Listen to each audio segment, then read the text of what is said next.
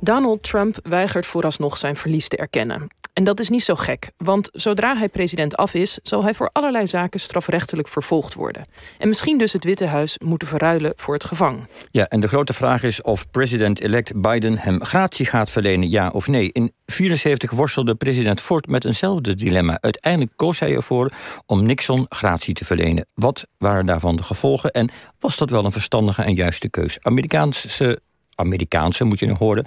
Amerikanist Sarah Polak is over die vragen te gast bij ons. Sarah, welkom. Sarah, eerst maar even de actualiteit. Trump weigert zijn nederlaag te erkennen. Hoewel die gisteravond, geloof ik, een klein beetje begon van... misschien een opvolger van mij ooit iets anders zal doen. Dus is misschien een beginnetje van, van, van eh, waarheidserkenning. Uh, maar moeten we ons toch zorgen maken over Trump?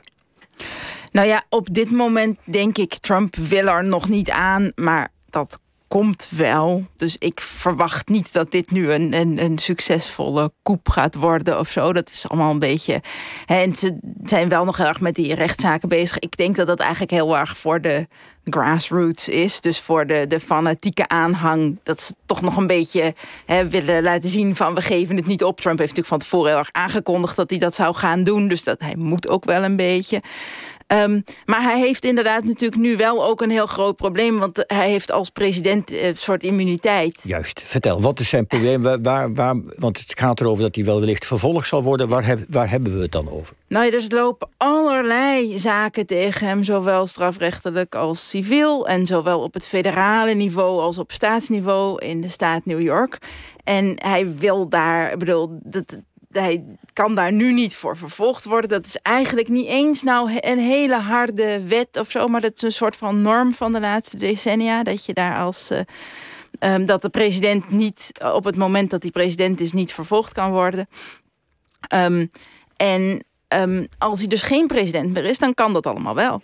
en en dat, dat, dat gaat best wel, eh, omdat het zoveel uh, dingen zijn, eigenlijk ook dingen, belastingfraude, verzekeringsfraude, bankfraude, uh, maar ook heel veel ja, corruptie in, in de zin dat hij gebruik gemaakt heeft van zijn presidentschap om, om zichzelf te verrijken. Ja, als dat allemaal serieus, als hij daar allemaal serieus voor vervolgd wordt, dan zou hij inderdaad de bak in kunnen draaien. Um, nou denk ik niet dat dat weet ik niet of dat gebeurt. Kijk, ten eerste is het zo, als Biden hem uh, gratie zou verlenen, zou dat alleen voor de federale uh, zaken zijn. Want van de rest op staatsniveau, daar heeft Biden helemaal niks over te zeggen. En, en wat zijn er dan bijvoorbeeld zaken op staatsniveau waar die dan nog wel last van krijgen? Nou, bijvoorbeeld um, uh, gaat dat over, over belastingfraude ook. Heel, heeft hij heeft eigenlijk een soort van eh, dubbele boekhouding, waardoor hij voor de banken aan de ene kant mm, kan laten zien dat hij hele grote winsten maakt, en voor de belasting kan laten zien dat hij eigenlijk nul inkomen heeft. Of weet jij, dat was dat het bekende onderzoek van de Times een paar maanden geleden, dat hij nou ja, op jaarbasis een inkomen van 750 dollar heeft, terwijl hij uh, miljarden waard is. hij is net boven modaal via, als de belasting. Ja, eigenlijk als, je is de hij onder modaal als je zijn belastingaangifte moet geloven. Terwijl hij tegelijkertijd een boekhouding heeft die allerlei enorme winsten laat zien. Maar goed, jij zegt dus die gratie dat werkt alleen voor zaken eh, op federaal niveau. als Biden het al zou doen, werkt het alleen voor zaken op federaal niveau. En op staatsniveau uh, werkt het helemaal niet. En dat is een beetje de vraag of dat op staatsniveau kijk, het is een, een, soort van enorm taboe natuurlijk dat een, een eerdere president de gevangenis in zou gaan. En zeker gek genoeg op, op staatsniveau. Hè, dat is echt een beetje iets voor ja, in het algemeen eh, drugsdealers en zo. Of een beetje meer petty crime. Um, maar um, tegelijkertijd staan natuurlijk ook die aanklagers in New York State als die nu zomaar ineens, als hij geen president meer is, ophouden met, het, met hun zaak, hè, dat, dat laten liggen, dat niet, daar niet verder mee doorgaan, ja, dan geven ze ook eigenlijk toe dat het politiek was, zeg maar. Ja, ik ben toch ook nog wel benieuwd, want je zegt er zijn zoveel verschillende zaken waar hij zich straks misschien mee geconfronteerd ziet. Als hij dan immuniteit krijgt, is het dan, laten we in ieder geval zeggen, op federaal niveau zo dat je dan zegt van nou, je bent nu gewoon immuun voor het leven, voor wat ze ook nog over je gaan vinden? Um, nou, nee, dat, dat zou dan waarschijnlijk gaan over dingen die Trump gedaan heeft tijdens zijn presidentschap. Dus het is niet een soort van going forward. elke keer in de toekomst, als je door rood licht rijdt, dan ben je alsnog immuun. Dat, is, dat, dat het zou geldt alleen voor zijn tijd dat hij president was. Ja, Precies. Oké. Nou, is er nog nooit een ex-president geweest die echt strafrechtelijk is vervolgd. Maar we waren er wel heel dichtbij in 1974 met Nixon. Vertel, hoe zat dat toen? Um, nou ja, Nixon die um, had, had ook allerlei corruptieachtige uh, de schandalen waren er gaande. Um, zijn de Spyro Agnew, zijn vicepresident, had zelfs een paar maanden voor uh, Nixon zelf aftreden. Ook al moeten aftreden, ook vanwege belastingfraude. Maar het grote schandaal natuurlijk is Watergate, waarbij hij um, de Democratische uh, Nationale Conventie, dus het campagnebureau on, onder andere van de Democraten, had laten afluisteren. Dus dat was, daar was gewoon in zijn opdracht ingebroken en afgeluisterd. En nou ja, daar, hij wist daarvan. En dat blijkt ook uit, uit die bekende uh, bandjes die dan opgenomen werden in de Oval Office. Dus daar, daar kon hij eigenlijk niet aan ontkomen. Nou, er zou dan een soort een impeachment plaatsvinden. En dan vervolgens in de Senaat zou hij hè, waarschijnlijk uit het ambt gezet worden.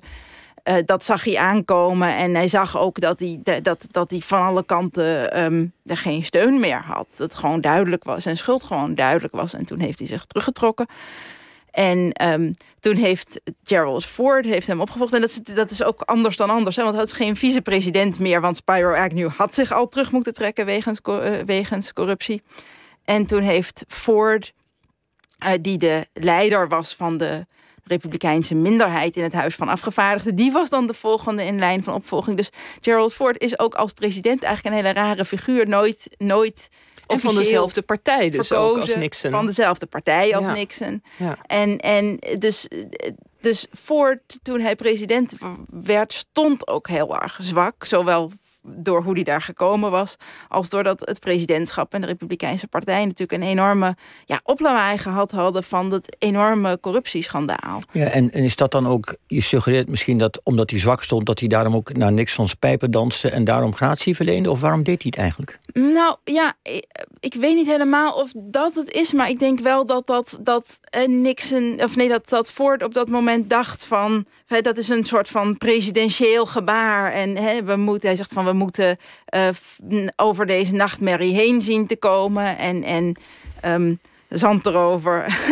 en, dat, dat, dat, en dat heeft hem wel heel erg later nog opgebroken ook. Er, was natuurlijk heel veel...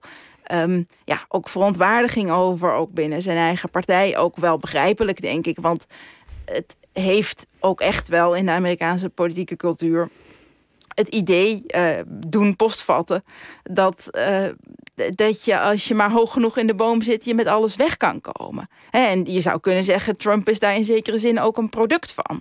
Die, dat, dat idee. En, en wat er ook een belangrijk effect van is, is dat dat, dat dus iets is wat heel veel, zeg maar, gewone Amerikanen, die wel overal voor verantwoordelijk gehouden worden wat ze verkeerd doen, um, het idee krijgen van ja, die politici die doen maar wat en, en dat mag gewoon, ze komen er gewoon mee weg. Die hebben een apart rechtssysteem. Er is een rechtssysteem voor de normale mens en er is een rechtssysteem voor de, voor de politiek leiders. En, ja, en, en die, die, ja, als, hè, als, als Biden dat nu ook, net, net als eh, Ford in der tijd, een, eh, een pardon zou geven, ja, dan zou je dat, dat ook wel weer een beetje dat idee herhalen. Dus het is ook in die zin, hè, Biden heeft het heel erg over healing en we moeten, we moeten weer bij elkaar komen. Maar dit is toch denk ik ook iets waarvan ik me afvraag of je het oplost met een ja, knuffel. En, en denk je, oplost met een knuffel, die is mooi, die houden we erin. En denk je dat uh, Biden die knuffel overweegt en dat hij bij dat overwegen ook dat beeld heeft van Richard Nixon die de zielenpoot kon gaan spelen na dat pardon. En die ineens zichzelf tot slachtoffer kon maken en zichzelf als het ware weer meer geliefd kon maken. Zou hij dat beeld voor ogen hebben, dat moet ik niet Trump ook gunnen? Um, nou ja, dat, dat zou heel goed kunnen. Zo is het natuurlijk inderdaad een beetje gegaan. Nixon heeft daarna heel erg het verhaal kunnen spinnen... als dat hij eigenlijk het slachtoffer was van, van uh, de, de liberale media... terwijl hij eigenlijk niks ergers gedaan had dan alle andere presidenten voor hem. Um, la, die, Ford zijn idee is eigenlijk later geweest... of dat is een beetje ook de consensus onder historici... dat, dat het misschien dat pardon een, wel een goed idee geweest was, maar dat hij dan een veel explicietere schuldbekentenis van Nixon had moeten eisen in ruil voor die gratie. En, en Ford zei zelf van ja. Eh, als je een, een pardon, gratie krijgt, is dat in feite, uh, erkent dat je schuld. En als je het accepteert, dan erken je ook zelf je schuld maar dat is heel impliciet. En dat, dat, eh, dat is een soort van, van norm het begin van de 20e eeuw. Het schijnt dat, dat eh, Ford zelfs later een kaartje in zijn portemonnee had. Hij werd daar vaak naar gevraagd van, heb je dat nou wel moeten doen? Had hij een kaartje in zijn portemonnee en daar stond op de oude, uit 1913 meen ik, uitspraak van de Supreme Court. Gratie accepteren betekent dat je ook je schuld erkent. Ehm, maar dat is eigenlijk, heeft Nixon zich daar helemaal niet naar gedragen. en dat had Ford natuurlijk best wel kunnen eisen. Maar wacht nou even. Je zegt dat Ford in zijn binnenzak gedurende de rest van zijn leven... een kaartje had met daarop die tekst uit 1913... gratie verlenen betekent schuld bekennen. Ja. En dat had hij om zichzelf te troosten van ik heb het wel goed gedaan. Of wat was zijn reden daarvoor? Nou, hij werd natuurlijk overal waar hij kwam hiernaar gevraagd. Waarom heb je dat gedaan? Was dat niet een heel stom idee? En dan haalde hij dat kaartje uit zijn zak van... nee, dat heb ik goed gedaan, want daarmee heeft, uh, heeft Nixon eigenlijk zijn schuld erkend. want hij is ook niet herkozen. Hè? Dus ik bedoel, hij heeft er zelf ook de politieke gevolgen van uh, uh, onder, onderleden. dan heb ik het nu dus over Ford. Um, dus hij zag het blijkbaar ook... nou ja, hij, hij zag het misschien wel als een politieke fout...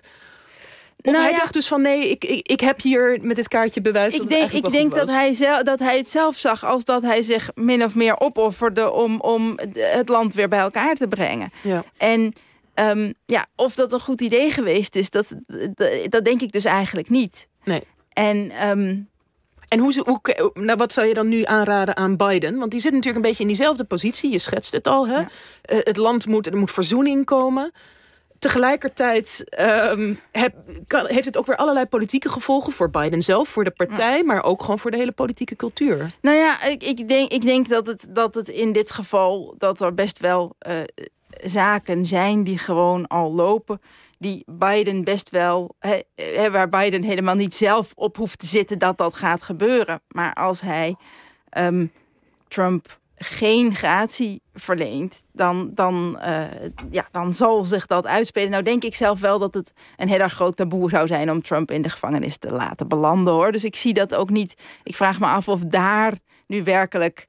Eh, daar, dat, dat is natuurlijk, het zou natuurlijk officieel alleen juridisch moeten zijn, maar daar moet ook politieke wil voor zijn die er niet is, denk ik. Maar voorspel je nu als het ware dat we straks weer een president hebben die zo'n kaartje uit 1913 in zijn zak steekt, steekt met gratie verlenen betekent schuld bekennen? Dat Joe Biden straks met datzelfde kaartje in zijn ehm, zak gaat? Als die, ik ik denk dat Joe Biden het, het uh, slimmer zal spelen. Dat als hij zoiets zal doen, dat hij dan een veel nadrukkelijker schuldbekentenis zal eisen. Of dat hij het gewoon misschien niet zal doen en gewoon zal kijken wat er gebeurt. dat, en dat, dat, dat hoeft hij natuurlijk ook helemaal niet, uh, niet te doen. Hij kan het een soort van aanbieden om, om Trump zijn ja, carrière te redden. Maar ik weet ook helemaal, denk ook niet dat dat in zijn belang is. Ja, ik vind het wel als verzoeningsgebaar natuurlijk. Ja. Want hij zegt, ik ben de president van de verbinding. Ja, maar ik denk ook dat, dat die verzoening, dat, dat gaat natuurlijk ook heel erg... Kijk, Nixon heeft als, zelf als president ook heel veel polarisatie gevoed. Hè. Allerlei issues zoals abortus en wapenbezit. Dat waren geen partisan issues. Dat was niet een links-rechts kwestie voordat Nixon hè, in de jaren zeventig dat ervan maakte. En dat deed hij omdat die polarisatie in zijn politieke belang was. Uh, en het waren emotionele issues waar heel, die heel veel opriepen. En dat zie je nog steeds heel erg. En waarom gaat het eigenlijk zoveel over abortus in de Amerikaanse politiek? Ja, dat is toen ontstaan omdat Nixon dat in zijn politieke belang achtte. En ehm, eh, Trump is natuurlijk ook een president die heel erg politieke garen spint bij polarisatie. En ik denk dat dat veel meer, hè, dus dat voor Biden veel meer om de inhoudelijke uh, verzoening gaat. Um, ik kan me voorstellen dat de Republikeinse Partij of Trump dat, dat, soort van gratie zal eisen. Zelfs ook dat Trump zal proberen zichzelf gratie te verlenen. Of, of dat hij even aftreedt, dat Pence hem gratie zal verlenen. Daar is eigenlijk geen precedent voor. Dus dat is dan heel, heel ja, juridisch spannend. Maar dat, kan wel. Juridisch is mogelijk dat hij zichzelf of via nou, zijn vicepresident gratie krijgt. Ja, het, is iets wat hij kan doen. En of dat dan uiteindelijk uh, in, voor de rechter en uiteindelijk voor de Supreme Court het redt, daar is heel veel debat over. Ik ben geen jurist, dat weet ik gewoon niet. Nee. maar ik vind het wel mooi inderdaad, wat, wat, wat eigenlijk toch wel uit het gesprek blijkt. Uh, het is niet zo binair. Het is niet of gratie of het gevangen. Nee. Nee. Misschien zelfs, uh, ik krijg nu opeens het beeld wat jij zegt van het kan bijna niet een president het gevangen. Misschien wordt hij verbannen naar de Trump Tower met een uh, bandje om zijn enkel of zo. dat hij niet meer naar ja, buiten mag Ja, uh, zo, zo, ik, ik denk dat het voor het Amerikaanse zelfbeeld ook heel slecht is om nu hè, de, ex-president die uh, die naar het buitenland vlucht of die in de gevangenis zit. En dan geven ze ook heel erg toe dat ze een autocraat in huis hebben gehad. En, en dat ze dat, de typisch dingen die ze in andere landen veroordelen. Ik denk dat daar gewoon over het hele politieke spectrum geen, geen uh, wens toe is om het zo ver te laten komen. Duidelijk. We gaan zien wat er gaat gebeuren. Hartelijk dank, Sarah Polak.